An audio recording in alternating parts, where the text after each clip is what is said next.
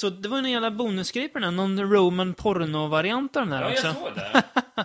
Roman Porno. Ramon Porno Production. Oh, fuck the Captain Alex!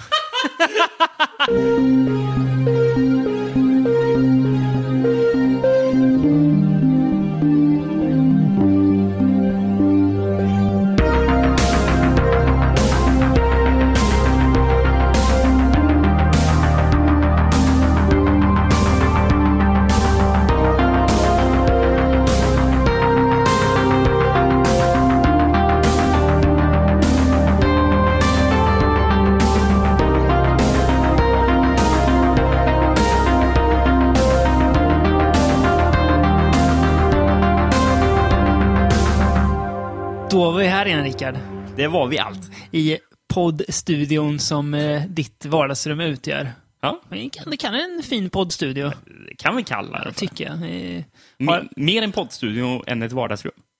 Det skulle jag säga. Ja. Har allt man behöver för att, för att göra det som vi gör. Ja, Ja, eh, tänkte att eh, du som ledande expert, i alla fall av oss två på det här området känner jag, eh, ska få introducera det. Eh, Dagens tema eller ämne för våra kära lyssnare. Vad ska vi prata om i den här podden? I det här avsnittet ska vi prata om Yakuza. Mm, mm, mm. Mm, precis. Mm. Det har du längtat efter. Det, jag har sett fram emot eh, det här avsnittet. Eh, Jag eh, har väl inte gjort det egentligen, alltså jag har inte tänkt så att jag gör det, men nu när jag är inne i det så inser jag att jag borde ha gjort det. Ja, Ja. eh, Du, du inser vad du... Fan, har jag inte varit pepp på det här? Ja, ja, det... Ja. Ja, jag får Ja, skämmas men, lite. eh, men, ja. men, och jag är bara glad över att eh, du insåg vad du har missat här nu. Mm, vilken Eh, filmskatt det ja. är. Men vi ska alltså prata om japanskt och ja, Yakuza-film. Mm. Eh, Gangsterrullar. ja, japanska gangsterrullar. Mm. Vi pratade ju nyligen om italienska gangsterrullar. Ja, får man säga. Eller Mm. mycket poliser, men också mycket gangsters. Väldigt mycket eh, gangsters. Får vi se hur det ser ut i Japan. Mm. Ehm, vad är en Yakuza då? Ja, Ställer jag frågan till dig? en japansk gangster. eh, Ja, någonting. Ja. Japansk maffia. Ja, men Ja. Det, det är ju den japanska organiserade brottsligheten, Mm. liksom, brottssyndikat, Yakuza, som, som jag tror, vet den här, är tillbaka, flera hundra år tillbaka, har, har det funnits eh, organiserad brottslighet som eh, den moderna Yakuzan faktiskt eh, kommer ifrån. Eh, Jag har ju märkt att eh, Yakuza-medlemmar har eh, rätt mycket tatueringar. Coola tatueringar, snygga tatueringar, Jävligt stora coola tatueringar. I Iritsumi vet jag att det heter. Okej, kom- vad kommer det det ifrån hel, helkroppstatueringar. Ja. Ibland så tatuerar de till och med sitt kön. Oj! Det är sån, Aj, aj, aj. Och det kan ta flera år att skaffa en sån här tatuering. Ja. Och ofta väldigt smärtsam med, Ja, med jo, tanke det- på dem. För jag de hör tatuerar ju dem inte med tatuering, vanlig tatueringsutrustning, Nej. utan det var ju med bambunålar eh, som man stack in under huden. Mm. Är det så liksom. fortfarande? Vet du det? Jag tror de, jag, jag, jag tror det är så vanligt att man gör det fortfarande Ja. inom just Yakuzan? Ja, För skulle den, jag gissa eh, på i alla den fall. lever- För som det, de är ändå vet, den här, fortfarande väldigt sån här, traditionsbundna. Ja, det är Eh. coolt. Det är, det är ju någon slags uh, Honor Among Thieves-grej lite när man, Ja. när man ser som ja, västerlänning, får man säga, på Utifrån. att det, är- det är väldigt annorlunda än att se eh, till exempel Hells Angels ja, eller nej, någonting. nej, nej, nej, men om, men om vi bara jämför med... Men om vi bara brottslighet. jämför Eller med... it- italiensk. Om vi, precis, om vi jämför Ja. med italienska maffian eller, eller amerikansk, amerikansk italienska liksom, Ja. maffian så skiljer Ja. sig det på ett helt annat sätt Ja. med heder och sånt Ja, liksom, ja. eh, som är väldigt viktigt här får man Mm. se. Kanske inte lika viktigt i de här filmerna vi ska prata om. Mm, nej, inte en av dem i alla fall. Det Eh. säger den till och med i titeln, men vi, vi kommer dit. Ja. Mm. Ska vi börja någonstans? Kanske man återgår lite så här i Yakuza Trivia under Mm, avsnittets gång. Yes, vi, börjar, vi, kör, eh, vi gör det enkelt för oss att köra kronologiskt idag. Och vi börjar i 60-talets slut med Seijun Suzukis Branded to Kill. Måste vi bara nämna, Seijun Suzuki avled ju sorgligt nog Mm. för, var det bara någon vecka sedan? Ja, eller? något sånt. Ganska Ja, nyligen. mm.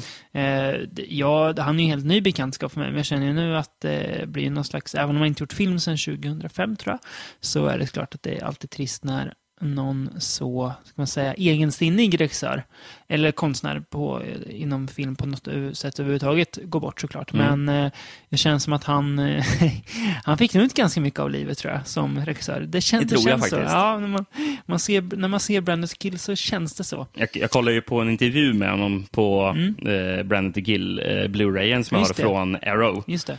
Eh, han är ju gammal på den här. Ja. Jag vet inte när den filmades intervjun, men han är ju så jävla glad att prata. Är han skruttig?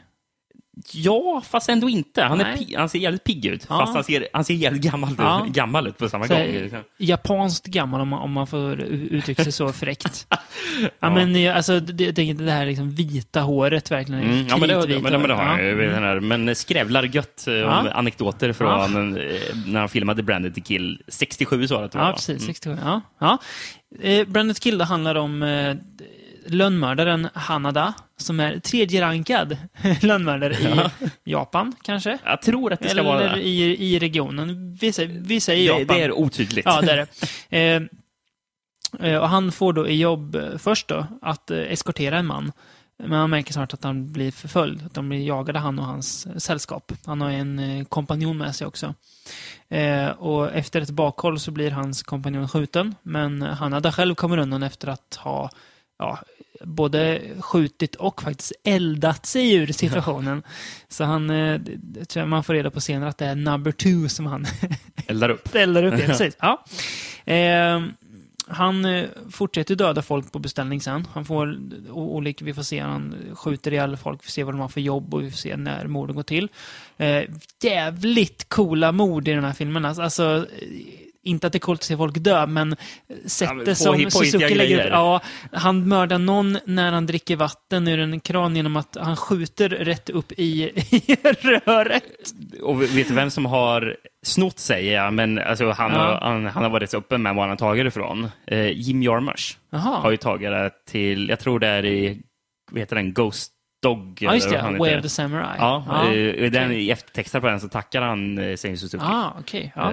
Nej, jävligt coolt alltså. Det, det, det, det är också en jävligt cool scen då han, då han mördar någon i någon lägenhet. Och så, så vet när klättrar, går han ut på balkongen och sen, sen det en stor sån här ballong eller någonting. Så, Mm. Som flyger, bara så han lägger sig lägger sig på, på. balkongen, Ja, på ja. ballongen och flyger, flyger iväg. Ja, dessutom en jävligt, när han ska skjuta en så jävligt cool skottglugg som är en cigarettändare som man typ, en målad Ja, cigarettändare just som man på det, något tittar ut.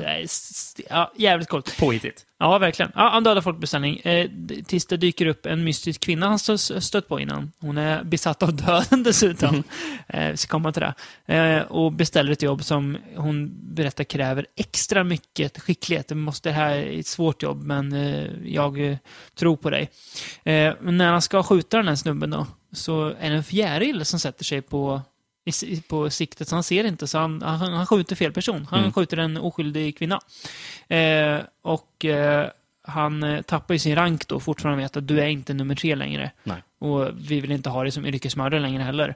Eh, och det är väl inte nog, utan han märker också att snart är ju inte bara Jack Hudson, utan betydligt fler folk ute efter honom också. Det är Mm. han som har blivit måltavlan istället. Mm. Man kan väl säga om Branded Kill, förutom att det är väldigt estetiskt snygga eh, beställningsmord. Ja, eh, Ska vi den börja är ju estetiskt snygg överhuvudtaget. Ja, den är gud, gud, ja. fasansfullt snygg. Ska vi börja med att prata om det kanske?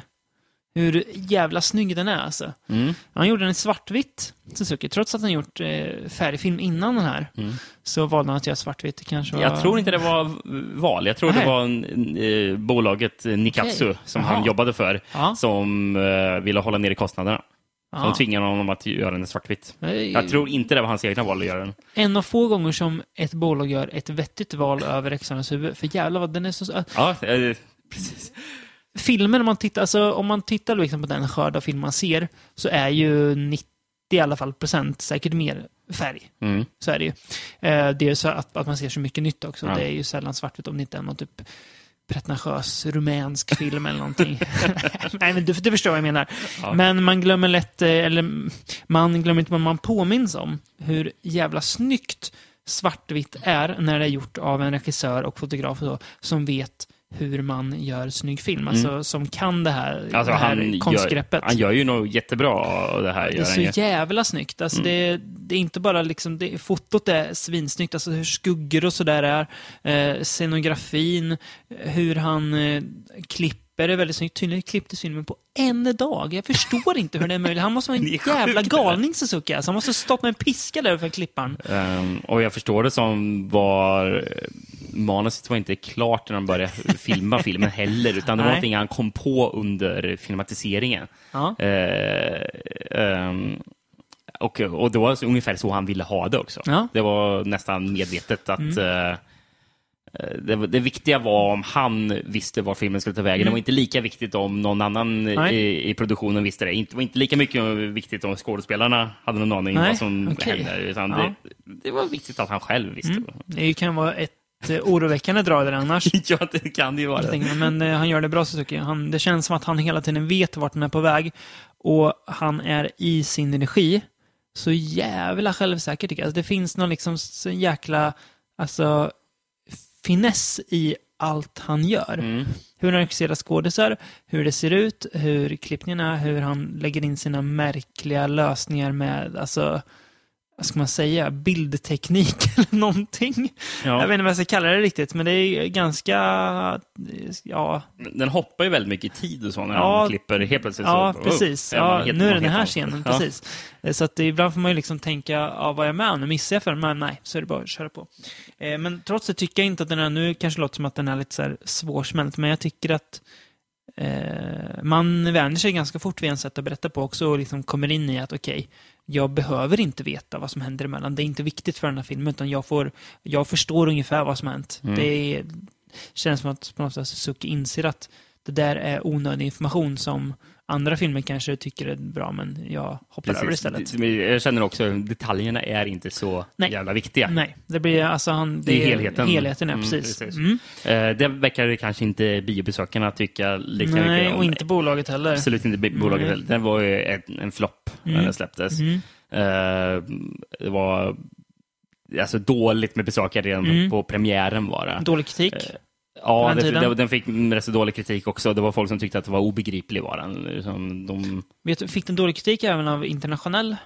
Nej, inte när den väl började visas Nej. eh, internationellt. Nej. Eh, Dröjde det länge innan den bevisas internationellt? Låg den Det typ... vet jag Nej, inte. okej. Mm. Men, eh, men i början var det så här premiärvisningar då, skådes, då skådespelare var där. Där Mm. det var nästan tomma biografer som de bevittnade.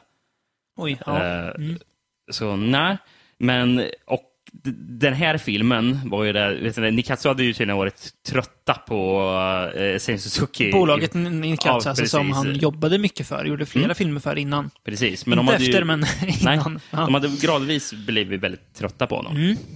För han var ju vrång. Han, han, han gjorde inte det som de ville. Nej. Och när de ville göra eh, alltså, rätt så så här, raka filmer liksom, så gjorde han pretentiösa filmer, om man Ja, ska säga. ja, ja, men det kan man säga. Eh, kon konstiga filmer som de Ja. inte begrep sig på. Mm. Eh, första manuset när han lämnade till den här, in, in, inför den här filmen till bolaget, de nekar ju det.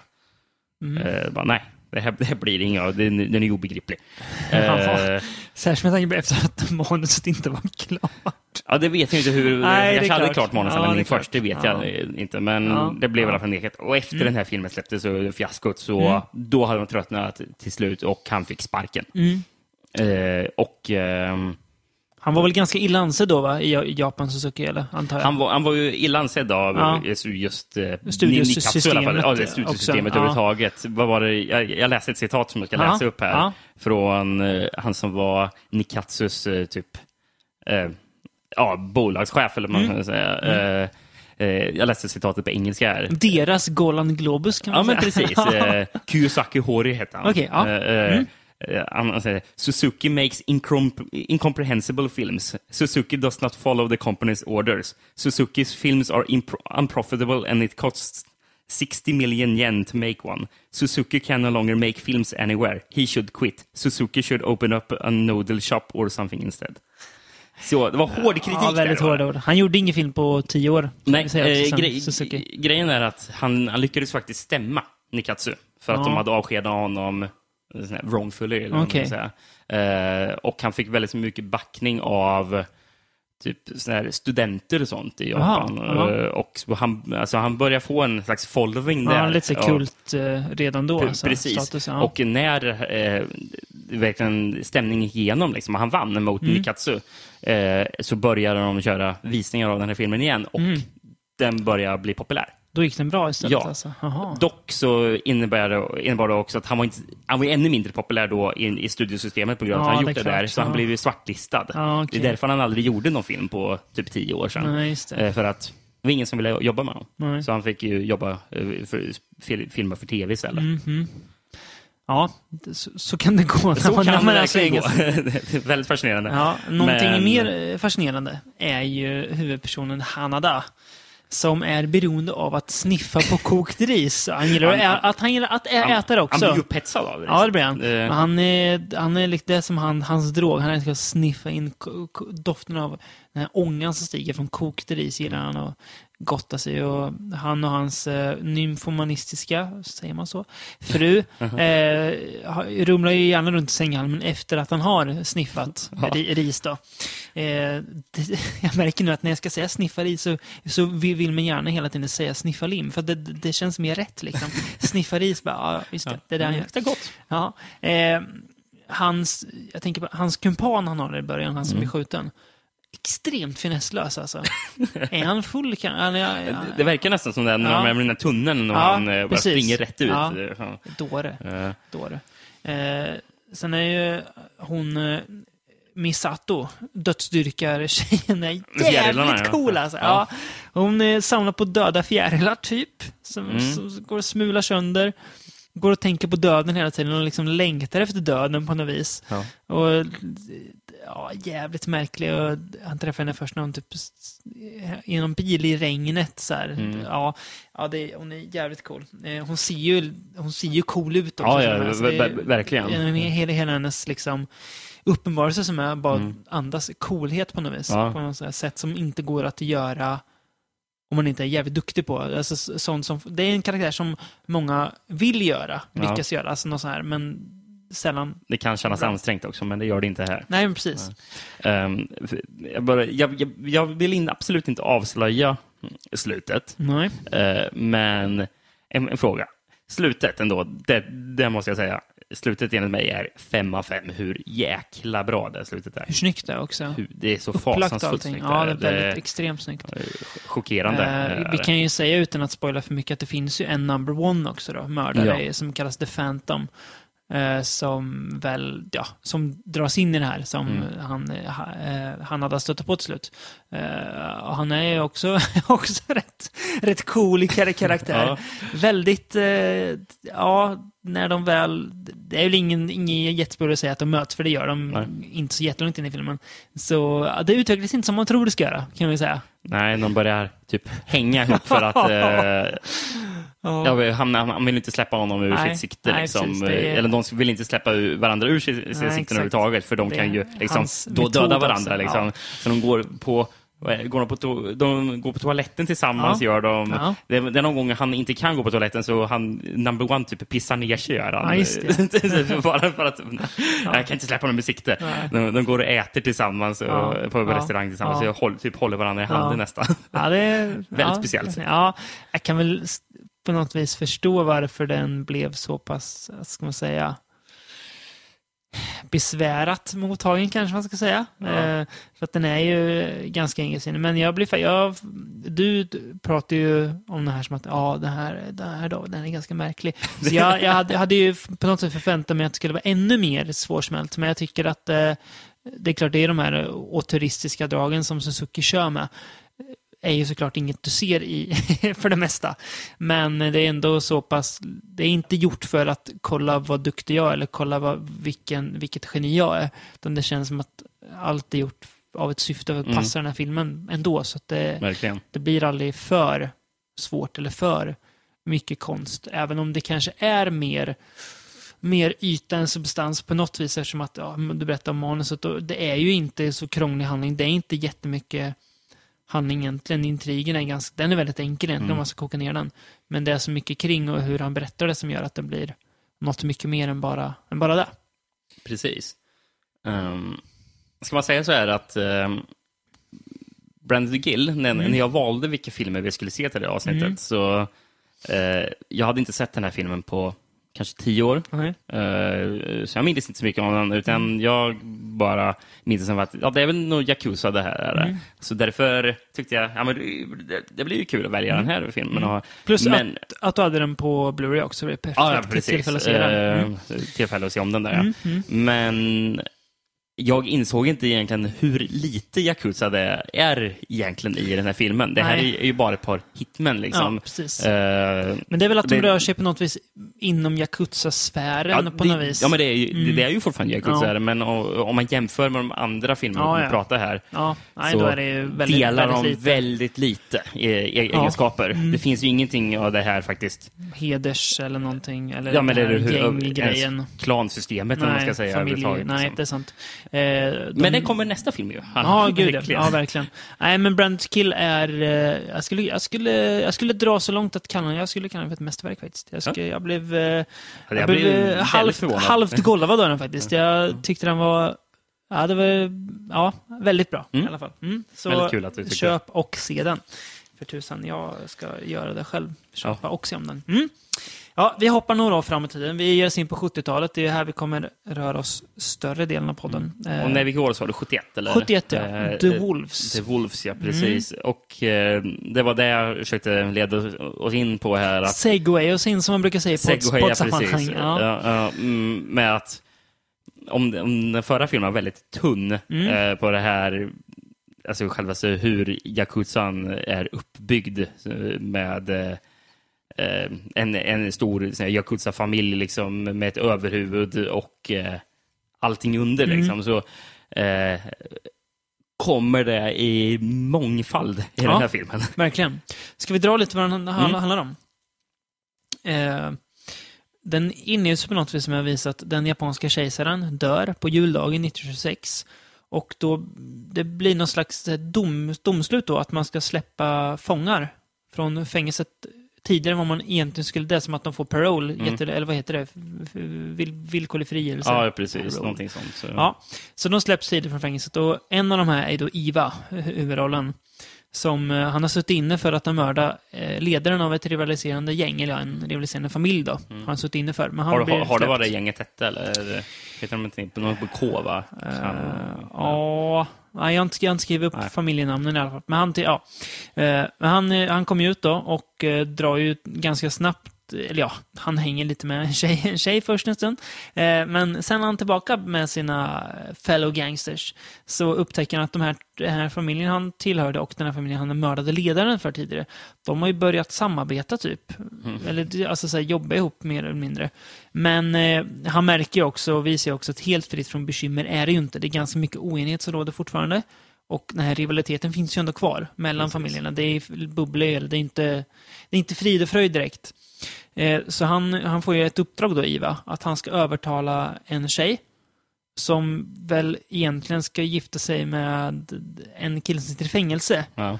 Som hon fortfarande liksom väntar på, men de får reda på att han kommer inte komma, han är borta. Mm. Eh, Så han övertalar henne om att eh, gifta sig med en annan i den här Yakuza-sfären. För att annars blir det krig. Då kommer blodbad uppstå. Mm.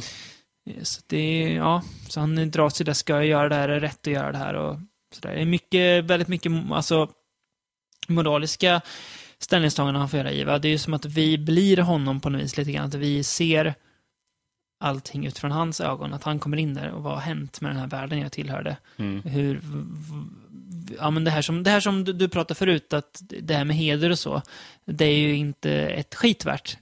Nej. Här, egentligen. Det är, Eh. folk är, det är, så länge jag vinner på det här så är det bra liksom. Precis. Då kvittar resten. Ehm, grejen är att innan eh, 70-talet, Mm. eh, de Yakuza-filmer som gjordes då, Mm. eh, på till exempel 50-60-talet, eh, då framställdes eh, Yakuzan mer som eh, att den är hedersvärda. Mm. Eh, alltså nästan liksom som ridderlig, liksom. Jaha. Eh, m- mer ärofull som samurajer. Mm, Liksom. mm, Och, mm. eh, det försvann här på 70-talet, gjorde det, Mm. kan man märka. Mm. Eh, vi kommer märka det ännu mer i de senare filmerna vi kommer att prata Yes. om. Men det ser man redan här att ja, visst, det är väldigt mycket tradition bundet, eh, och det ser man i den här filmen, att det är väldigt mycket ceremonier och sånt Ja. där. De sitter Ja. eh, Väldigt högfärdigt ofta. väldigt högfärdigt, men samtidigt är det att han, han, han, han, huvudpersonen inser nu när han kommer ut från fängelse att den heder som fanns i familjen är borta. Ja, precis.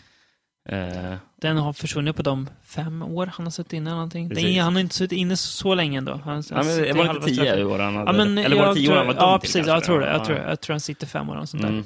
Ja. Eh, nej, men, och, eh, just det här eh, mörkret vet ni, återspelas väldigt mycket om hur filmen ser ut. Den är Ja. väldigt grå och dyster. Är den. De är ute ofta vet ni, vid, här, vid kusten. Det är Mm. bara vindar, det ser kallt och jävligt ut. Det är så här, Mm. båtar som li- alltså, multnar bort Ja, i sanden. ja, liksom, och det, Jättesnygga miljöer är det. Så Mm. det är som att den är så här, typ skeppskyrkogård de är vid Mm. nästan. Det är väldigt snyggt. Ja. och det, det är som, väldigt öde också, Ja, ofta. och, och precis. Och den atmosfären när, finns över hela filmen. Liksom. Det, Det är som att den är i filmens själ på något vis. ja, Mm. verkligen. Det är en ganska cool, den fattar man inte, eller jag gjorde inte det här för direkt, men det är en cool sidostory i början om två tjejer som går runt med paraply och har ihjäl folk för Mm. att hon har en, ett, ja, ett, en typ kniv gömd i paraplyt som hon går ut och sticker ner folk Ja. med. Eh, Men det blandas ihop, så det är väldigt coolt mordvapen. Den här filmen är ju en vadå, Rickard? Slow burner. En så kallad slow burn, ja. Den är över två timmar. Är den. Ja, den har Eh, inte bråttom. Nej. Eh, första halvtimmen händer inte så mycket, det är ju först efter egentligen som storyn kickar igång. Nej, De vis. första typ 5-10 minuterna, Mm. då är det fan fart. Och sen Ja. helt plötsligt bara vroom, så Ja. segar det ner jättemycket. Ja. Eh, Men, men alltså inte segat ner i negativ Nej, bemärkelse. nej, Eh, nej. Den tar det sig, bara den tar sig tid tid att berätta. berättelsen. Eh, Sen tycker jag att filmen växer också hela tiden på en som tittar. Att ju längre, alltså ju mer den får liksom berätta där den vill och sjunk, att man liksom sjunker ner i den här atmosfären du pratar om, så fastar man, man blir, man blir mer och mer fast hela tiden. Och det är ju ofta om att en film tappar den längs vägen istället. Om det, det är sällan att man liksom växer. Antingen så är du fastnar den direkt och så håller du det så, eller så tappar den längs vägen. Men det här Ja. liksom bygger längs vägen istället. Precis. Men det är ju för in i för jag, jag tror att det är för att jag känner att jag eh, känner mer och mer sympati med, hu- med huvudpersonen. Mm. Tror jag är, Mm. att, eh, Ja. Man, man, man känner hans eh, sorg och vrede. Ja, mer, ja exakt. liksom. Ja, bra. Sorg och vrede, för det är ju det är både och. Han är Mm. både ja, men bitter och eh, liksom ja, ledsen faktiskt också, Ja. över sakers tillstånd. Och sen kulminerar det i hämnd i slutet. Ja. Liksom. Det, Jäkligt snygg eh, fight-scen i slutet. en lång fight som är, jäkligt, rör ja. sig ö- över Ja. många ytor. Ja, Liksom. skitsnygg är den. Eh, Den är, ja, den är, den är också snygg. Inte Också lika jävligt- snygg som Branded Kill, men väldigt, fortfarande väldigt snygg. Det här är mer ska man säga, klassiskt snygg än vad Branded Kill är kanske. Det är också en jävligt cool fight i början, när de är i en biograf och slåss med svärd. Mm. Ja, just det. Mm. Eh, Ja, ja, just det. Ja. Som, den här filmen, vad är det, 20-tal? Eller Ja, precis. Mm. Och, eh, Sent 20-tal. så, så de går ju fortfarande i, liksom, inte kimonos, men alltså, Nej. alltså Mycket svärd är det också. mycket svärd ja. och kim, ja, vi säger kimonos för ja, enkelhetens skull. ja, ja. Ehm, Men det är nästan som att, som du nämnde samurai förut, som att man ser någon- slags här mellanskiktet mellan samurajsamhället och det här mer alltså pang-pang gangsamhället som kommer Mm. senare, som vi, ja, i Brand Kill exempelvis, eller sen som vi kommer i, fram till i nästa, nästa filmer. Mm. Mer moderna gangster så är det någon slags eh, gangstern innan andra världskriget på något vis. mm.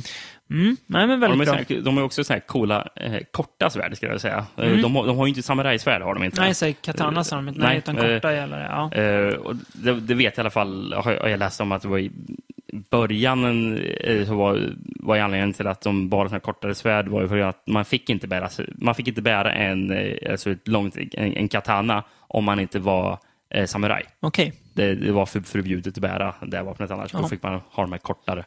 de, de fick man ändå ha. Ja, ja, ja, pre- precis. Men, men den långa, det var för, eh, Okej. för typ adel och samurajer. Okej. Mm. ja. Också en jävla lag. Ja. ja, det finns mycket speciellt. Ja, det gör det. Um, Ja. vart rörde man sig efter The Wolves då? Ja, då rör vi oss fram till 1973 och Kinji Fukasaku, som väl kanske är mest känd, får man ju ändå säga, för Battle Royale. Det Men får man nog säga att det är Hans så. film här, som är den första i en serie av nio filmer tror jag totalt, heter vadå? Ja, det, det är först en serie på fem filmer Ah, okej. och sen en spin-off-serie Okej. som på åt, som är på tre filmer tror jag. Är till. ja, Mm. ja. Eh, Battles without honor or humanity. Precis. Och här var det verkligen without honor. Och Ja. ja, det är ja, det, det är som du sa. Titeln ri- ringar ju in allting Ja, om den här filmen. Den, den summerar allt. Man behöver inte, vi behöver knappt Nej. prata om filmen Nej. för den säger allting, den här titeln. Eh, här har vi också en eh, huvudkaraktär som kommer ut ur fängelset. Huvudkaraktär, huvudkaraktär. Vi tror är huvudkaraktär Mm. Ja, i men det är början i alla han typ. Alltså, Ja. jag, jag skulle nog säga att han är det. Han är inte lika tydlig huvudkaraktär, men Nej. ja, fine. Eh, Choso heter han. Han kommer ut ur fängelset. Eh, och, eh, eller han hjälper en kille rymma från fängelset, eh, snarare. Att de lurar sig ut. Och då dras han in i Yakuza-verksamheten. För han, han har väl inget bättre för sig egentligen. Han vet inte riktigt vad han ska göra. Och det här är ju... Han- han- det Det här är är- ju efter, krig, efter, Ja, precis. precis. efter Japan efterkrig, förlorade så eh, kriget. USA är ju Eh, där och är ganska elaka.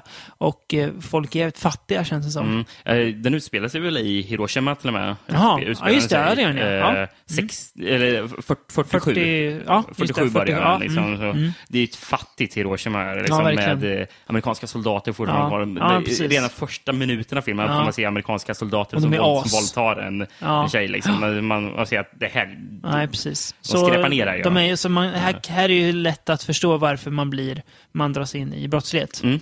Eh, och han märker snart och så, så att eh, det här, den här världen som jag har gått in i, det, här med lojalitet och att vara ärlig mot varandra och att vara hedersam, det är ju bara skitsnack, för det finns inte. Här bryts ju vet du det, allianser och pakter och så oftare än vad Hela de, tiden. Oftare än vad, vad de skapas, Ja. det som. Eh, och folk, eh, folk dör till höger och vänster. Det är Mm. jäkla många som dör. Och liksom, familjerna är i luven på varandra hela tiden. Alltså, och, I de typ fem första minuterna mm, eh, så har vi just, just de amerikanska soldaterna som våldtar någon, någon någon tjej och sen så har vi eh, det är eh, folk som får armarna avhuggna av Mm. svärd redan i typ andra minuten. Mm, Det är helt sjukt vad våldsamt det är. Det bara sprutar blod överallt. Gör det. ja. Den är så galet våldsam den här filmen. Väldigt hårt straff det Eh. där med när, man, när han får armen av. Ja, rätt så. För, det, för det, är, det är ju bara det att de, de nöjer sig med att hugga av armen på honom. Sen, sen, sen så är de ändå klara med honom.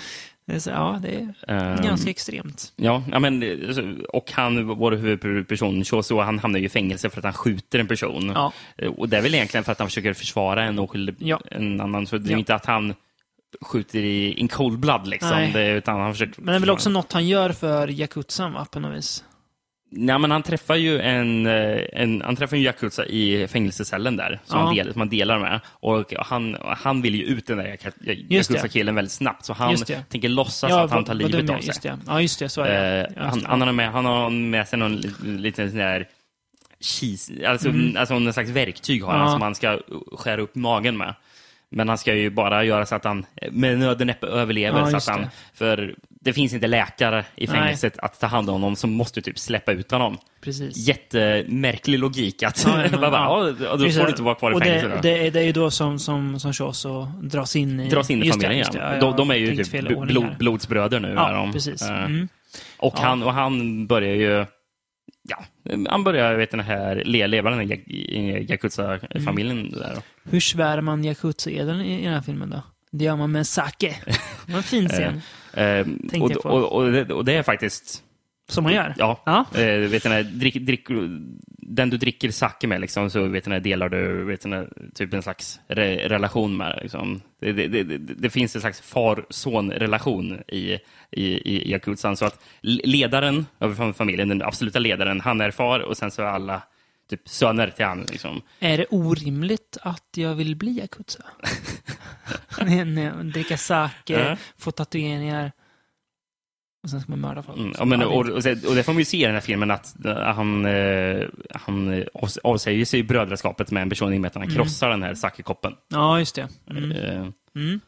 Ja, eh, Fukasako har ju en speciell stil, kommer vi se i nästa film också, vi pratar om också är honom. Eh, där han nästan kastar in kameran i det som händer och Mm. låter den vara med som en... Eh, Det är väldigt mycket skakig kamera Ja. men det används jävligt snyggt. Gör det. Ja, det det. Han, han, han behärskar den här skakiga kameratekniken. Mm. man känner sig ju när, Den känns ka- väldigt närvarande då. kaotisk stil. Ja, liksom. ja. Eh, Sär, särskilt i början. Mm. Särskilt i början. eh, Sen blir det lite lugnare. Ja, vad säger du? Var den svår att hänga med i början? Ja, jag var lite rädd att, att jag skulle tappa hela filmen men sen Mm. så började jag förstå, okej, den är inte så, den är inte rakt berättad, sån här filmer, så jag får, Nej. jag får liksom köpa det. Alltså, jag, jag också blev, jag, jag blev också väldigt överväldigad. Den här har jag sett en gång för länge sedan också, men min minns ingenting av den. Nej. Men jag, jo, jag minns en grej. Att jag inte riktigt hängde med Nej. den gången då heller, eh, i vad som hände. Nej. Eh, alltså de första typ 5-10 minuterna, jag vet inte hur många karaktärer det presenteras för. Och det är jävligt snyggt, för det är freeze frames på alla. Och det kommer upp en namn på bara den här personen heter det här. Och sen står det också vilken Yakuza-familj han tillhör och vilken kommande position han kommer ha inom den familjen. Just det. bara, ja, eh, framtida kapten inom den här familjen. Bara, Herre Jesus, hur lite- ska man hålla reda på allt det här? Precis, det är lite samma när folk dör. Att de, de freeze-framar och så skriver de den här dog det här datumet, det här Mm. året. Eh, Det är också snyggt hur filmen, för den, den rör sig framåt eh, genom åren, hur den ganska subtilt ändrar utseende. Mm. Med att den liksom går framåt i tiden. Det är inte så här övertydliga förändringar, det är små förändringar. Det är, så- Det är väl men- typ sex år den Ja, rör sig den här filmen. Men det märks ändå att det, att det händer saker, trots att det är en ganska liten tidsperiod då, Mm. relativt. Ja. det, det tycker jag Fukasaku gör väldigt snyggt. Men eh, grejen är, mm, trots att det är så mycket personer man inte riktigt hänger med att man känner igen. Mm. Eh, efter ett tag så inser jag det är helt irrelevant för filmen om jag, eh, om, om jag minns vilka de här personerna Ja, är. precis. För det är så många karaktärer som dör hela tiden. Ja. Och jag tror nästan det är lite vitsen över att eh, ska liksom visa hur meningslöst det är. Ja, Eh, så fort en, ja, en, en, en kapten inom den här familjen dör, ja, det, det är helt poänglöst i den här st stora striden, för någon annan kommer bara ersätta honom och det är bara en...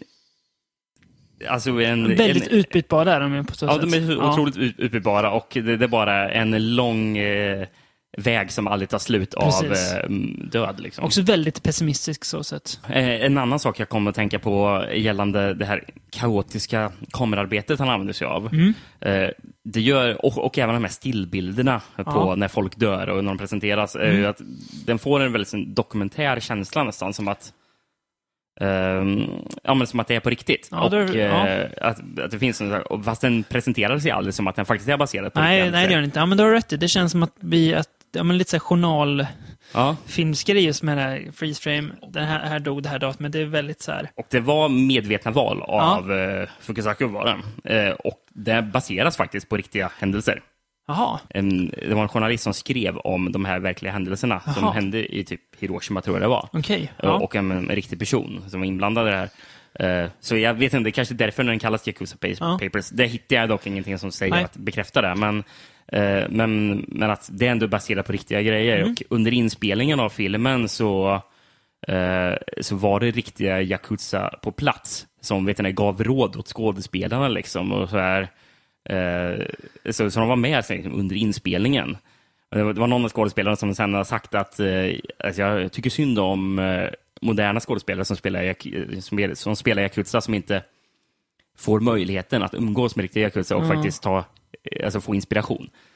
Det är så jäkla fascinerande det här, alltså, det här landets relation till sin egen maffia. Liksom. Ja, det, vis- den är ju helt annorlunda, så- väldigt speciell. ja. De är ju, alltså Yakuza är väldigt här innästlad i Alltså, mycket va? Ja, väldigt mycket. Ja. Alltså, I politik och i storföretag. Och så här. ja det, är, ja, det är fascinerande alltså. Väldigt fascinerande. Ja, Ja. Också väldigt bra musik i den filmen.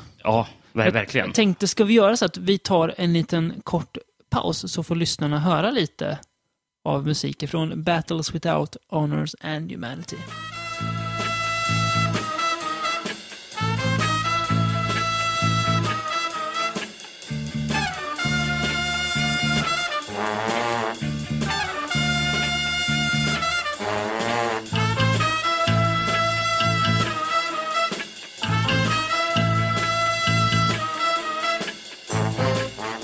Vi köra lite mer Kinji Fukasaku när vi ändå är igång, Rickard? Tycker jag verkligen.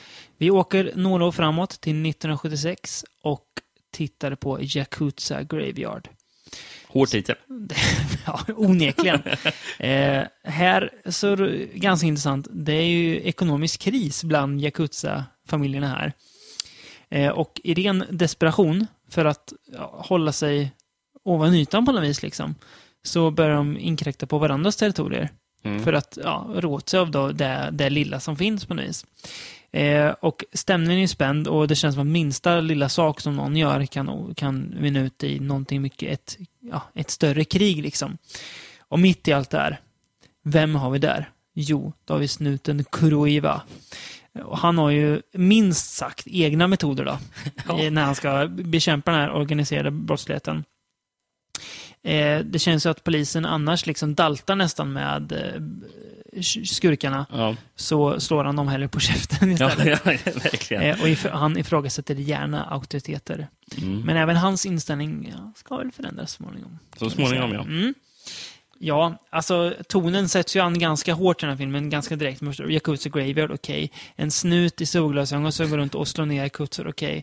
Boom! Ja, då var vi igång då. Yes. yes. Eh, det känns lite som det här eh, när Kinji Fukasaku kastar in kameran i actionen igen. Mm. Det är ju mycket sånt i den här filmen också. Ja, jag skulle säga, jag, jag nämnde ju att kamerarbetet i um, Battles with a Honor var jävligt snyggt. Mm. Jag tycker det är ännu snyggare kamerarbete här. Ja. Med den här skakiga kameran. Intensivt är det. Ja, det är så sjukt intensivt. Ja. Är det. Alltså, liksom. Kameran liksom ramlar omkull nästan. Mm. Den, alltså, den ja, den vrids 90 grader åt sidan mm. väldigt mycket. Så. Mm. Och kameran liksom följer actionscenerna på ett väldigt snyggt sätt. Eh, om, det är, om det är någorlunda lugnt, Mm. Då vet den skakar inte kameran. Nej. Sen så fort någon vet den här person, om en person ramlar omkull eller blir kastad åt sidan, då bara vrids kameran mm. åt helvete åt mm. sidan liksom. Mm. Och det bara skakar som ett mm. helvete. Och sen så vet den här, lugnar ner sig bara, och stoppar kameran. Så den följer actionscenerna så jävla snyggt. Uh, men den är, den är liksom levande på något vis, mm. kameran, mm. i uh, hans... Alltså, det, den känns verkligen som en del i... Ja, precis. Av, en viktig del också. En väldigt viktig det är ju återigen det som vi pratade förut när vi pratade om Branded Kill, att det känns inte som något av de här greppen är liksom konstlade. Det känns inte som att Fukasaku gör det här för att liksom visa, kolla hur konstig jag är eller duktig jag är, mm. utan det känns som ett eh, effektivt och medvetet grepp som mm. höjer filmen ja, verkligen. på något vis. Alltså, ska man jämföra med eh, Battles Without så är ju det här delvis mer, ska man säga, oseriös kanske. Mm. Man ska, jag sa ju det till att den påminner om, om en Eurocrime-film. Ja, men jag med? förstår vad du menar. Ja, det, det, det är något med liksom stämningen, så hur det rör sig. Att, det är väldigt mycket med huvudpersonen skulle jag säga. Ja. Han känner japanska Maurizio Merli på något vis. Alltså, jävla klockren scen eh, då han är full ligger mm. på golvet ja. i, i, sitt rum, ja. eh, ligger på golvet, dricker whisky, röker, ja. har solglasögon på sig inomhus och eh, du, lyssnar på dundrande amerikansk rockmusik. Vilken whisky är det han dricker då? Det vet jag inte. Suntory. Suntory. Vilken film är den med? Uh, nej, jag vet inte. Den som Bill Murray gör reklam för i Lost in Translation. Ja. Suntory.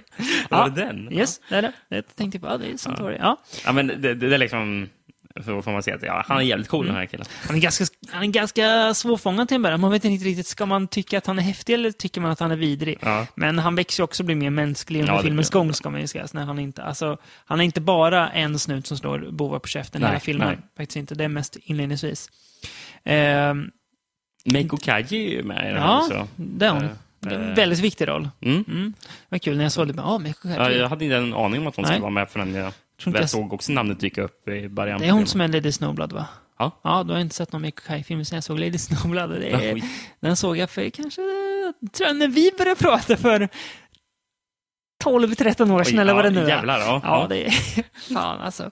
Vad tiden går. Ja, eh, nej men, ja precis, hon är med. Eh, jag gillar när en annan cool karaktär som är han Bull som är någon slags ö, halvöverhuvud i ena familjen som han vill bli kompis med, Kurva mm. till slut. De, de börjar typ hänga med varandra. Först, först vill de typ slå ihjäl varandra känns det som. Mm. Främst för att han, han ger sig på två Bulls underhuggare med riktigt sopiga jakutser alltså. Men de är typ kompisar sen, han och Bull. Det är gött att, han heter Bull också. Mm, mm. Ja, det är ett jävla bra namn. Ja, tydligt namn. Men, men anledningen till att han blir lite lack, eh, snuten, mm. Eh, det, är, det är för att han inser att eh, polisen eh, försöker ju vet ni, slå ner mot eh, brottsligheten. Mm. Men han inser att det är bara mot en familj Precis. de vet ni, försöker slå ner mot. Och han inser att fan, de här samarbetar ju typ med den andra familjen. Ja, liksom. eh, polisen är lika korrupt den också. Ja, ja verkligen. Så därför tar ju ja, han, han, han sida med den andra familjen då. Ja. som polis. Ja. ja. den som känns moraliskt rätt. Ja, men precis. Han får väl till och med sparken va? efter ett tag. Ja, det, han, han, Som han, han, får, han får mycket. Ja, Eh, ja men alltså han, han, han slutar vara polis Ja. efter ett tag. Men eh, han, ja, det, det bryr inte han sig om nämnvärt, får man väl ändå säga. Ja, nej men den ser är ju... förbannad på snuten ändå. Ja, alltså. ja, det kan man inte. Nej, men, är, men det är, jag tycker också det är intressant hur filmen, alltså hur ens, som du säger, hur sympatierna vänder efter ett tag. Hur man, vad man trodde att man liksom tyckte, vilken sida man stod på, att den liksom inte vänds 180 grader, men vrids på något vis en bit, så att man liksom börjar flyttas över och tänka Mm. något annat. Så det är, ja, skickligt gjort tycker det var jag. intressant också att se Yakuza från en polis eh, synvinkel. Mm, Eh, ja, precis. Ja, eh, ju- återigen Eurocrime-drag. Ja, ja, ja, Ja. ja. precis. precis. faktiskt. Ja. Eh, Yes. Eh, ska vi nöja oss där med 70-talet kanske? Mm, Och, och vi hoppar över 80-talet helt och hållet. ja. Jag har ingen bra an anledning till det, men eh, det gör vi det här Jag tror att 80-talet faktiskt var ett så klent årtionde Kanske var det. eh, Mm. för, Ja- för Yakuza-filmen. Vad vi har förstått i alla fall. Så Mm. det, det var inte det starkaste. Nej. Vi hoppar till 93 istället. Mm.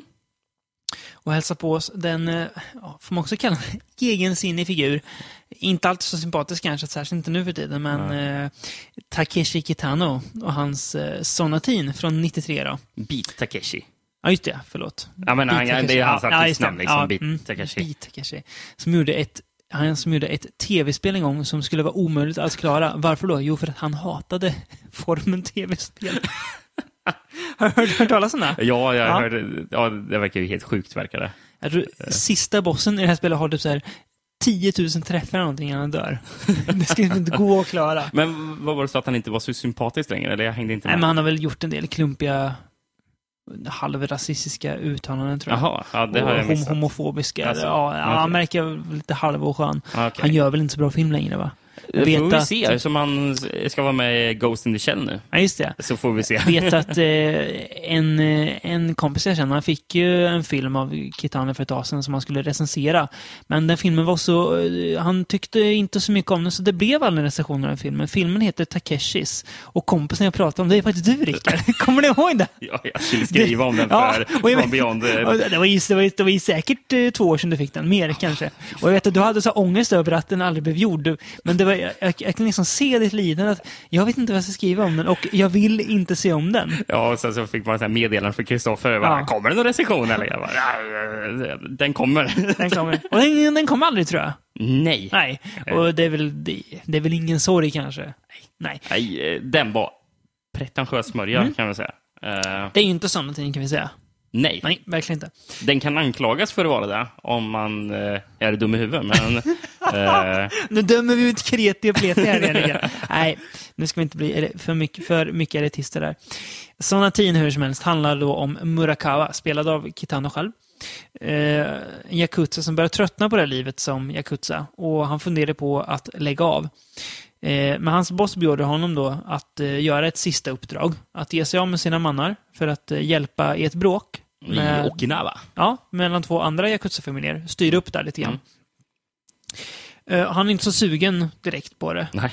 först, men han beger sig dit ändå. Eh, men det verkar inte som att han behövs först, vad det verkar som när han pratar med dem. Nej, men vadå, vi har inget bråk här. Ja. Du, du behöver inte vara här.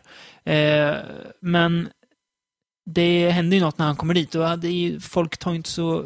De tycker inte att det är så bra att han är där kanske. Nej, Så att det här kriget börjar ju då blåsa upp lite grann. på grund nästan av att de är där. Ja, Ehm, faktiskt. Ironiskt nog på Ja, något vis. eh, och ja, väldigt snabbt så blir ju deras eh, headquarters blir Sprängt. bombat. Ja, blir det. precis.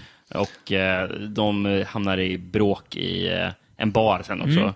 Och bestämmer sig för att fly ut, eh, fly ut till en strand. Let's go to the beach. Ja, nej, så hänger de i ett strandhus i resten av filmen och har det ganska gött faktiskt. Ja, För det mesta. de, de är uttråkade och har det gött Ja, på samma gång. Liksom. precis, Det är- ja. Men de, de har inget annat att göra Nej. än att hänga där. Nej, så är det. Och de Ja. träffar en, just det, de träffar en tjej där, eller eh, Murakawa träffar, Mm. träffar en tjej som Mm. hon håller på och Blir våldtagen. Ja, hon, hon Mm. håller på att bli våldtagen och han skjuter eh, eh, våldtäktsmannen. Yes. Och då följer hon med. Ja. Det är huset också och hänger börjar, med. börjar hänga, hänga med honom. Ja. Ja.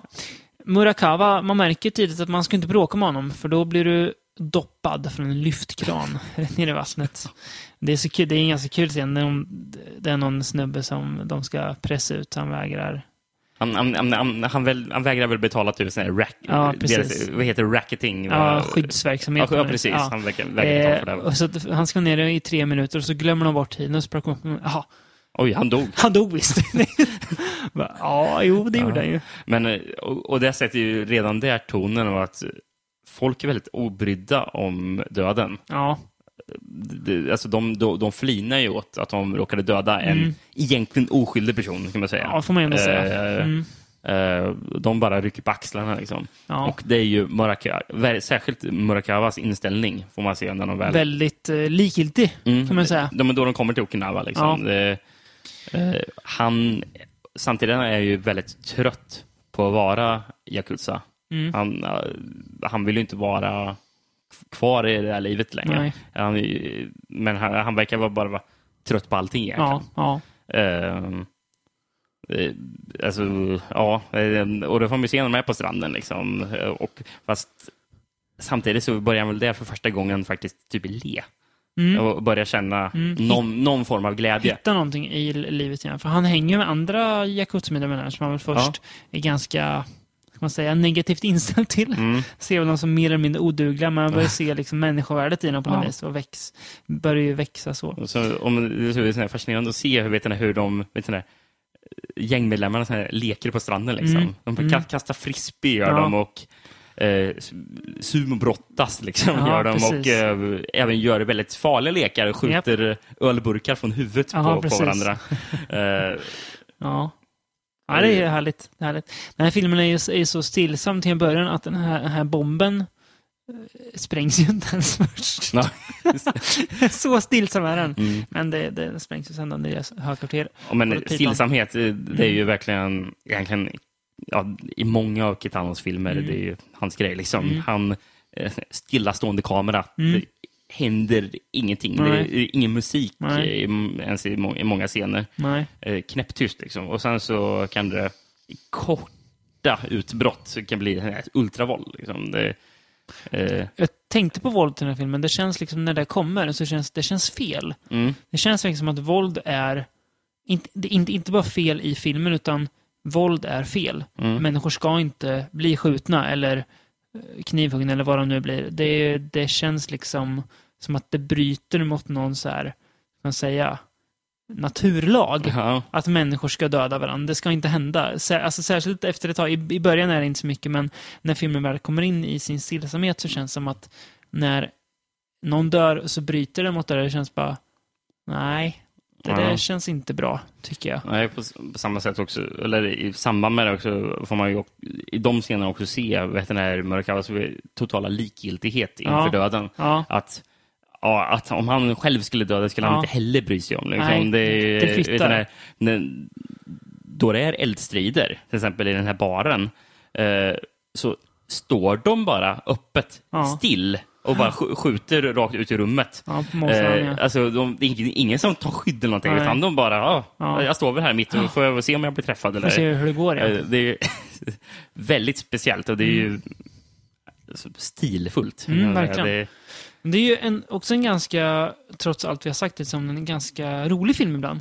Mm. Också, humor som passar in väldigt bra. mm, Eh, det, han lyckas få in den här, den här humorn i det här väldigt stillsamma och eh, ja, likgiltiga ibland. Så får han in eh, skämt och eh, eller skämt och skämt är det väl inte direkt, men situationer som... men alltså, den, liksom blir, blir den blir ju ganska- rolig på grund av att situationerna är så otroligt märkliga. Ja. Liksom. Det, I sin kontext, ja, precis. Ja, verkligen. om man verkligen ser vad det är. Ja, Men då det blir roligt, liksom, man bara, fan, det här det är ju trevligt, liksom, Ja. ja. så så är det alltid någonting som håller tillbaka Liksom, lurar lite i och, och eh, bryter av. Bara, Ja. "Åh, du trodde att det här skulle vara kul. Nej, nej. Papp, papp. Så Mm. sk- sk- skjuter vi någon. Liksom. Ja, Eh, precis. Mm. eh, och det är väl det jag vet när man får se att han äntligen kommer han bort från gangsterlivet och får känna av att leva nästan. Liksom. Mm. Men samtidigt är det att han själv också har i bakhuvudet att eh, tillbaka, eh, det, jag är ju bara här tillfälligt i Okinawa. Mm. Sen så tillbaka i Tokyo så väntar Mm. det här livet igen. Ja, precis. Mm. Det var helt poänglösa. Och jag läst, eller jag, jag tror att den här filmen rätt så, vet är så här typ självbiografisk på ett sätt för Kitano. För ehm, jag, läste någonting om att han var vet den här eh, väldigt självmordsbenägen under, Okej. under inspelningen Mm. av den här filmen och kort därefter. Liksom. Och det kanske han åt, det återspeglar hans mm. vet, karaktärstillstånd i den här filmen också. Kanske var något sätt att, att deala med det här. Mm. Den här filmen. Mm. Men, Eh, men som, som vi har sagt, jävligt snygg. Och, Ja. och det är väldigt li, den är väldigt tyst och stillsam, men musiken i den är så Ja, jäkla bra också. bra. Väldigt bra. passande. Gjord av Jo I- Isaichi. Okej. Eh, han har gjort mycket Studio Ghibli-musik. Jaha, ja, Eh, där ser man. och även till många av Kitanos filmer. Ja. Kan väl avsluta podden med lite musik från Sonatin tycker jag. Det tycker jag Ja, verkligen. det ett Ehm, fint sätt att den är nog den bäst, bästa av musiken i det- Mm. alla de här filmerna, tycker Det jag. här är väl egentligen den enklaste av filmerna idag. Även om det är inte en liksom, alltså, man säger, det är inte en enkel film så, men ändå, den är väldigt enkel att ta, att ta sig in. Jag tror att den har något som tilltalar väldigt många. Det kanske inte Branded Kill eller Nej. Yakuza Graveyard har, men den här, Kanske enklare att ta sig an. ja, precis, Mm. den är mer, alltså, den är mer som ett, ett, eh, ett drama Mm. än vad de andra är på ett alltså, tydligare sätt på något vis. Mer, Precis. ja. Ja. Väldigt, väldigt bra. Ehm, Och det är intressant förresten att även den här filmen, Mm. den andra filmen vi pratat om som floppade i Japan, mm. eh, den var inte alls populär. Eh, Dålig kritik också, eller? Ja. Eh, och det var väl typ de fyra, fem första av Takashi Kitanos filmer. Okej. Eh, De, det, det fungerade liksom inte. För, för, för, för alla de filmerna spelar ju han den här typen av roll. Men eh, Takashi Kitano hade ju sedan 70-talet varit känd, varit känd i Japan som en komiker. Jaha. Eh, Så han var liksom förknippad med att vara the funny rolig. guy. Liksom. Ja, han, och så kommer han in och, och bryter mot det sen. Precis. Mm. Han, hans namn, Beat Takeshi, kommer för att han var med i en, kom, en komikerduo på 70-talet. Där Jaha, han- okej. Som hette Two Beat. Det var han och Aha. en till som hette Okej. Beat. Var Ja, ja. Eh, Och han var verkligen, han var den, den, ro, den, ro- den roliga, vet ni, den konstiga av de här två. Liksom. Vil- Vilket är väldigt konstigt att se, för han är så totalt annorlunda mot eh, i sina filmer. Ja. Det, var- jag läste någonting, han hade ju varit med i någon film, eh, vad heter den? Merry Christmas Mr. Lawrence, tror jag han heter. Mhm. Ehm, och, eh, och, han, och, han, och han spelar ju, han spelar ju någon eh, fångvaktare under andra världskriget. Och den här är väl drama, tror jag, för mig, den här filmen är. Eh, och när han var på premiär, premiärvisningen och såg vet den här, uh, kolla på filmen, när han, då han dök upp vet den här, som fångvaktaren så började publiken skratta. För de, för de trodde ju att han var Nu blir det den kul, roliga liksom. killen. Liksom. Nu, nu här blir det roligt. Ja. Eller vad märkligt att se han i den här rollen. Liksom. Så då blev han ju liksom ledsen för att han, Ja, det är klart. eh, det var inte alls vad det var tanken, men han Nej. var väldigt eh, vrång och Ja. ville fortsätta göra Ja. den typen av roll. Det bra att liksom. han gjorde det. Den är också väldigt... Det jag tycker filmen gör väldigt snyggt också är att det är, här finns ju inget liksom glam, glamoröst eller coolt att, med att vara Yakuza. Här är ju Nej, nej, det är ju... väldigt... Alltså det verkar ju jävligt tråkigt och Ja, alltså, mycket tvång och du får alltså, ja, som att du fångas i någon, någonting du inte vill vara i. Så Mm. det tycker jag är väldigt bra. Ja, jag har sett flera av hans eh, Yakuza-filmer då, Ja. och, och det är gemensamt i alla. Ja. Det, det framställs aldrig som någonting Nej, man vill vara. Liksom. Det är aldrig häftigt. väldigt Liksom. oglamoröst Mm. liksom. Mm. Ska vi gå, vidare till något kanske ännu mer Helt annat. Det mest oglamorösa som finns ibland. Det är ju, har ju inte med göra för fem ören någonstans. Men det har att göra med vår älskade, kära vän, vår nästan pappa på något vis känns det som ibland. Jesus Franco. Och med honom så ska vi ta en trip to Bangkok. Coffin included. Yes. Ja, jag tror att jag gör så Rickard. Jag tar mig frit. Nu brukar jag vara den som läser handlingen, men nu tar jag mig verkligen friheten att göra det. Och jag tror att du är tacksam att jag gör det nu. Ja, för det var svårt att Fan. pin, pinpointa vad som händer egentligen i den här filmen. Hur ofta hamnar vi inte där att det är svårt att reda ut vad handlar den här Franco-filmen om? Men eh, även om vi säger så nu så tycker vi om den här filmen. Vi ska, vi ska komma till Men jag har varför. svårt att, eh, svårt att pinpointa vad filmen handlar om. Men det är ändå mycket detaljer jag kan Som du återberätta minns, från den här ja. filmen. Ofta är det inte så. är så ovanligt. För den var Hur mycket kan du berätta från Kiss Me Killer som vi pratade om för två poddar sedan? Just det. Ingenting. Nej, inte jag heller. Inte jag heller. Det är, du vet att häromdagen skulle jag, så tänkte jag på Downtown Heat. Och jag kom inte på vad den handlar om. Spela saxofon. Ja, det, ja nu du säger det. Och sen, men sen jag tänker på Lina Tänk- soptippen. alltså, eh, precis, eh, hennes soptipsgäng. Liksom. Ja. Ja, Ja. nej. Trip to Bangkok, Coffin Included. Handlar om Howard Vernon som spelar Colonel Blimp. Som är någon slags brittisk Secret Service-agent, typ. Som kommer till Bangkok efter en resa som han beskrev som avskyvärd. Dålig mat och dålig service. eh, men han hamnar rätt, han är väldigt bitter filmen. Så jävla bitter. Ja. Eh, han ska utreda mordet på en brittisk ambassadör där. Eh, och de har redan fångat skytten, så jag vet inte varför han ska åka dit och utreda det för. Men, ja, ja. Och han är blind den här skytten. Mm. Och har dessutom... jag, kan, inte säga det utan att skratta. Ja, jag förstår det. Han har blivit mörk. Hans hudfärg, hans pigment har blivit mörka. Han var så vit. White race som de säger från början. Men han är inte det längre. Ja, eh, så att han, han märker att folk, eh, det är någon mutation som händer så att folk som är vita blir mörka. Eh, och eh, snart så är det till mord som sker. En till blind person som har den mutationen. Och han börjar ju rota i det här då, Blimp, och inser att det är någon mystisk figur som heter Professor eller Master Tau. Professor Tau. Som ligger bakom det här. Nej, det går inte att prata den här filmen seriöst. Det behöver det vi inte göra. det här. Det här är ju så soligt så det fan det skiner i hela mig. Alltså, jag blir glad när jag tänker på den. Alltså grejen är att den här filmen är gjord vad, vad, 85. 85. Den känns som att den är gjord 1963. Ja. Gör den, för handlingen är så jävla löjeväckande. Så jävla egentligen. Det, Hur packad är Howard Vernon? det måste vara dyngfull genom hela... aldrig kroniskt sett berusad. honom så här, ska man säga, apatisk slash inlevelserik någonsin. Han, han vacklar mellan att nästan sitta och gapa, dregla med att vara, i- vara igång men ändå inte ha en fokuserad blick. Det är som att när han pratar med en annan karaktär så tittar han t- br- bredvid karaktären för att han är för full för att fatta att han pratar med någon. Det känns som att, att när Franco regisserade honom här så gav han honom replikerna verkligen innan scenen. Det här ska du läsa nu. Okej, nu gör jag det. Och så gjorde han det bara. Ja, han, är, han är ju... Han är inte bra i det här, det får man säga. Nej, han det är det verkligen inte. väldigt fascinerande att titta Ja, på. ja. Jag vet inte om det är så. Underhållningsvärdet är ju 100 Jag vet inte om det är så kul egentligen att du sitter och liksom så här idoliserar någon som är så jävla full, men det är det är ju så kul. Så här, jag förlåt eh, alla, alla som inte tycker att vi gör något moraliskt rätt, men det är så kul. Ja.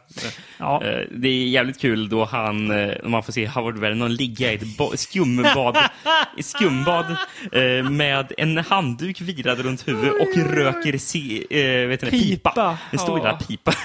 Jag ska ju tillägga så här, Howard. Howard Vernon har ju- han har ju gått och blivit en silverräv. Han har ju fått eh, vitt hår, ordentlig musche som är så här tvinnad nästan, vit. Eh, den här filmen ska ju då vara baserad på en Edgar Wallace, eller Edgar Wallas som vi, vi gillar att säga, eh, berättelse. Jag tvivlar på det. Ja, eh, kan jag ytterst tvivlar ut. Det är väl med i superpulpingen sådana kanske. Ja, men, Ja, det, finns, det finns ju en, ja, profe, prof, Professor Tau känns väldigt mycket som en Fu Manchu-karaktär.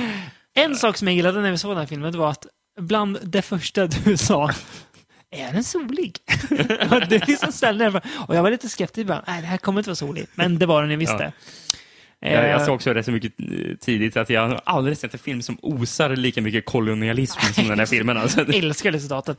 Ja, den är ju... f- Frågan är om det inte är en rasistisk film där. Alltså. Det Eller alltså det är så här, mm, det är inte att den, den pratar egentligen aldrig dåligt om någon annan ras, men just att den pratar om the white race och half, vad är det, mixed race. Ja, ja Det känns precis. väldigt- Det är jättekonstigt. Där, eh. Det får en dålig smak i munnen alltså. Då. Ja, och sen så har de äldre vita gubbar från Skottland och Irland Wales, Irland och, och Wales. Eh, som pratar prata också om. om att de... Och det, det är någon också, vet den här, vit gubbe från Indien också. Man kan tänka Just det. mycket, vet den här, folk han har ägt i, i sina dagar. eh, och nu som åkt till Bangkok. Och i filmen utspelar sig Bangkok. Jag tror vi såg en thailändare i hela ja, filmen. ja, som har en viktig roll, ja. Ja. Ja, vi, vi Ja, såg några, några, några i såna här miljöbilder. kanske tio statister. Ja. Alltså ju... De var inte ens statister, utan det var när de vet den här, Ja. bara åkte Fan, runt med kameran och sant, filmade sant. vet den här, Kolla, vi är i Thailand.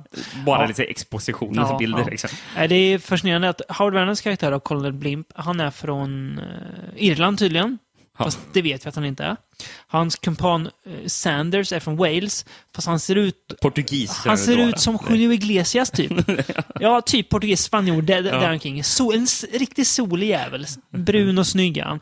Eh, och eh, den tredje snubben är, är det tjejen då, som jag kallar för Baby av någon anledning. Ja. Jag, vet, jag vet inte varför det kom. Det känns, det Ja, känns, hon, känns det- fel nu. Ja, ja. Jag vet inte varför. I ja. filmens kontext var hon ju Ja, just det, var det, just det var ju så Mm. jag resonerade. att Hon, hon är ju filmens baby, hon kommer vara den snygga. Och det, Hon går ju omkring i baddräkt i eh, 90 procent av de scenerna hon var eh, resten av filmen är hon naken i. Ja, precis. Ja, men det, och, och det kommer ju på, på grund av att eh, Howard Vernon har ju lurat in henne i en taxi. De ska fly någonstans. Och hon Ja. bara, nej, jag vill härifrån. Ja. Och då så tar han av, eh, vet ni, sliter av he- hennes, eh, vet Badrock eller någonting ja, på sig. Mm. hennes kläder eller någonting. Och, vet ni, och säger, you can't escape naked. och det finner hon sig. Ja. Jag bara, ja, nej, det kan jag ju faktiskt inte göra. When in Bangkok. ja. Eh, ja, det är så märkligt det här. Ja, det är kul. Eh, är- men britterna är ju inte britter i alla fall. Det, det kan vi enas om.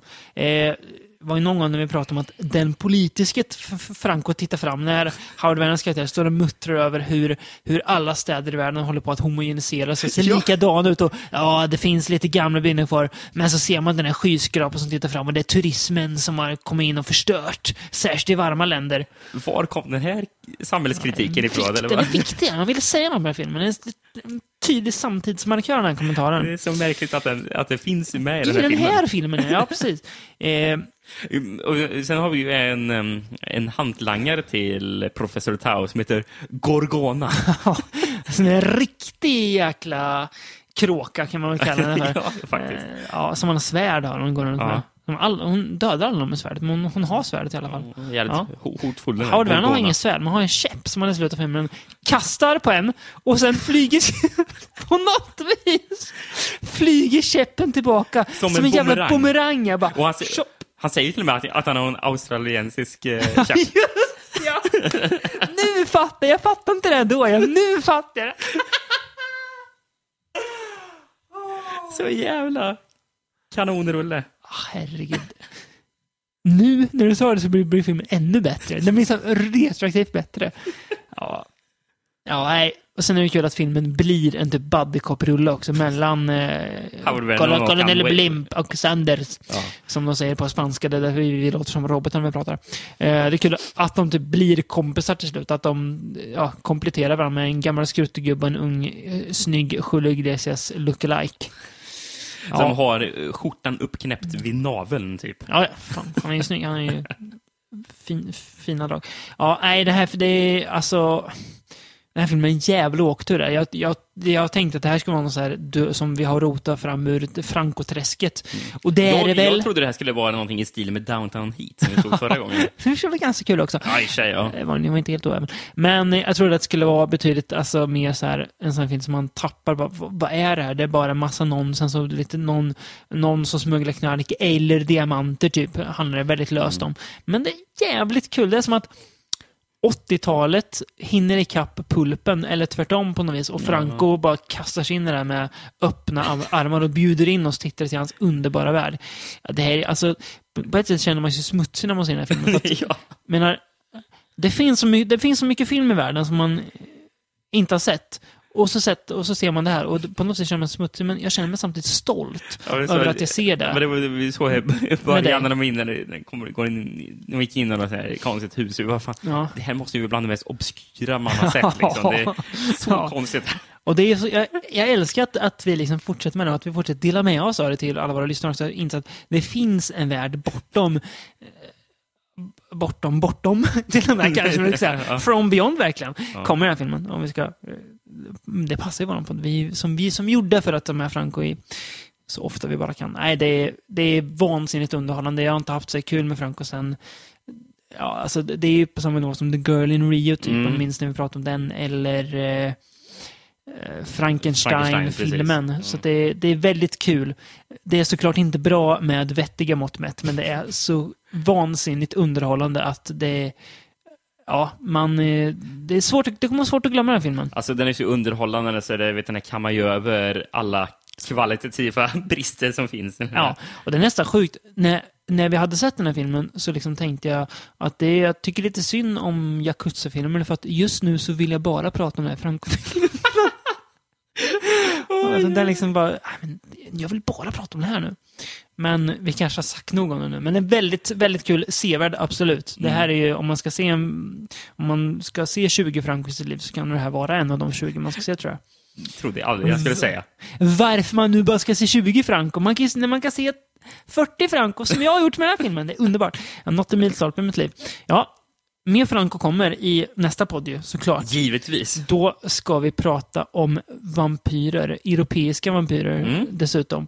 Eh, vi kommer röra oss eh, runt om i lite sydligare breddgrader i Europa främst med eh, många fina miljöer. Mycket slott känner jag att det kommer att bjuda på, säga utan belägg egentligen, men det känns bara så. Ja, det kommer det ju vara, det vet vi ju. Ja. Eh, och Franco kommer ju kommer bjuda oss på lite lesbiska vampyrer. Mm. kan man ju ana från titeln antagligen. Ja. Tills dess så säger jag tack för att ni fortsätter lyssna och stå ut med oss fast vi ger oss in i sådana här obskyra träsk. Sluta inte. Hej då.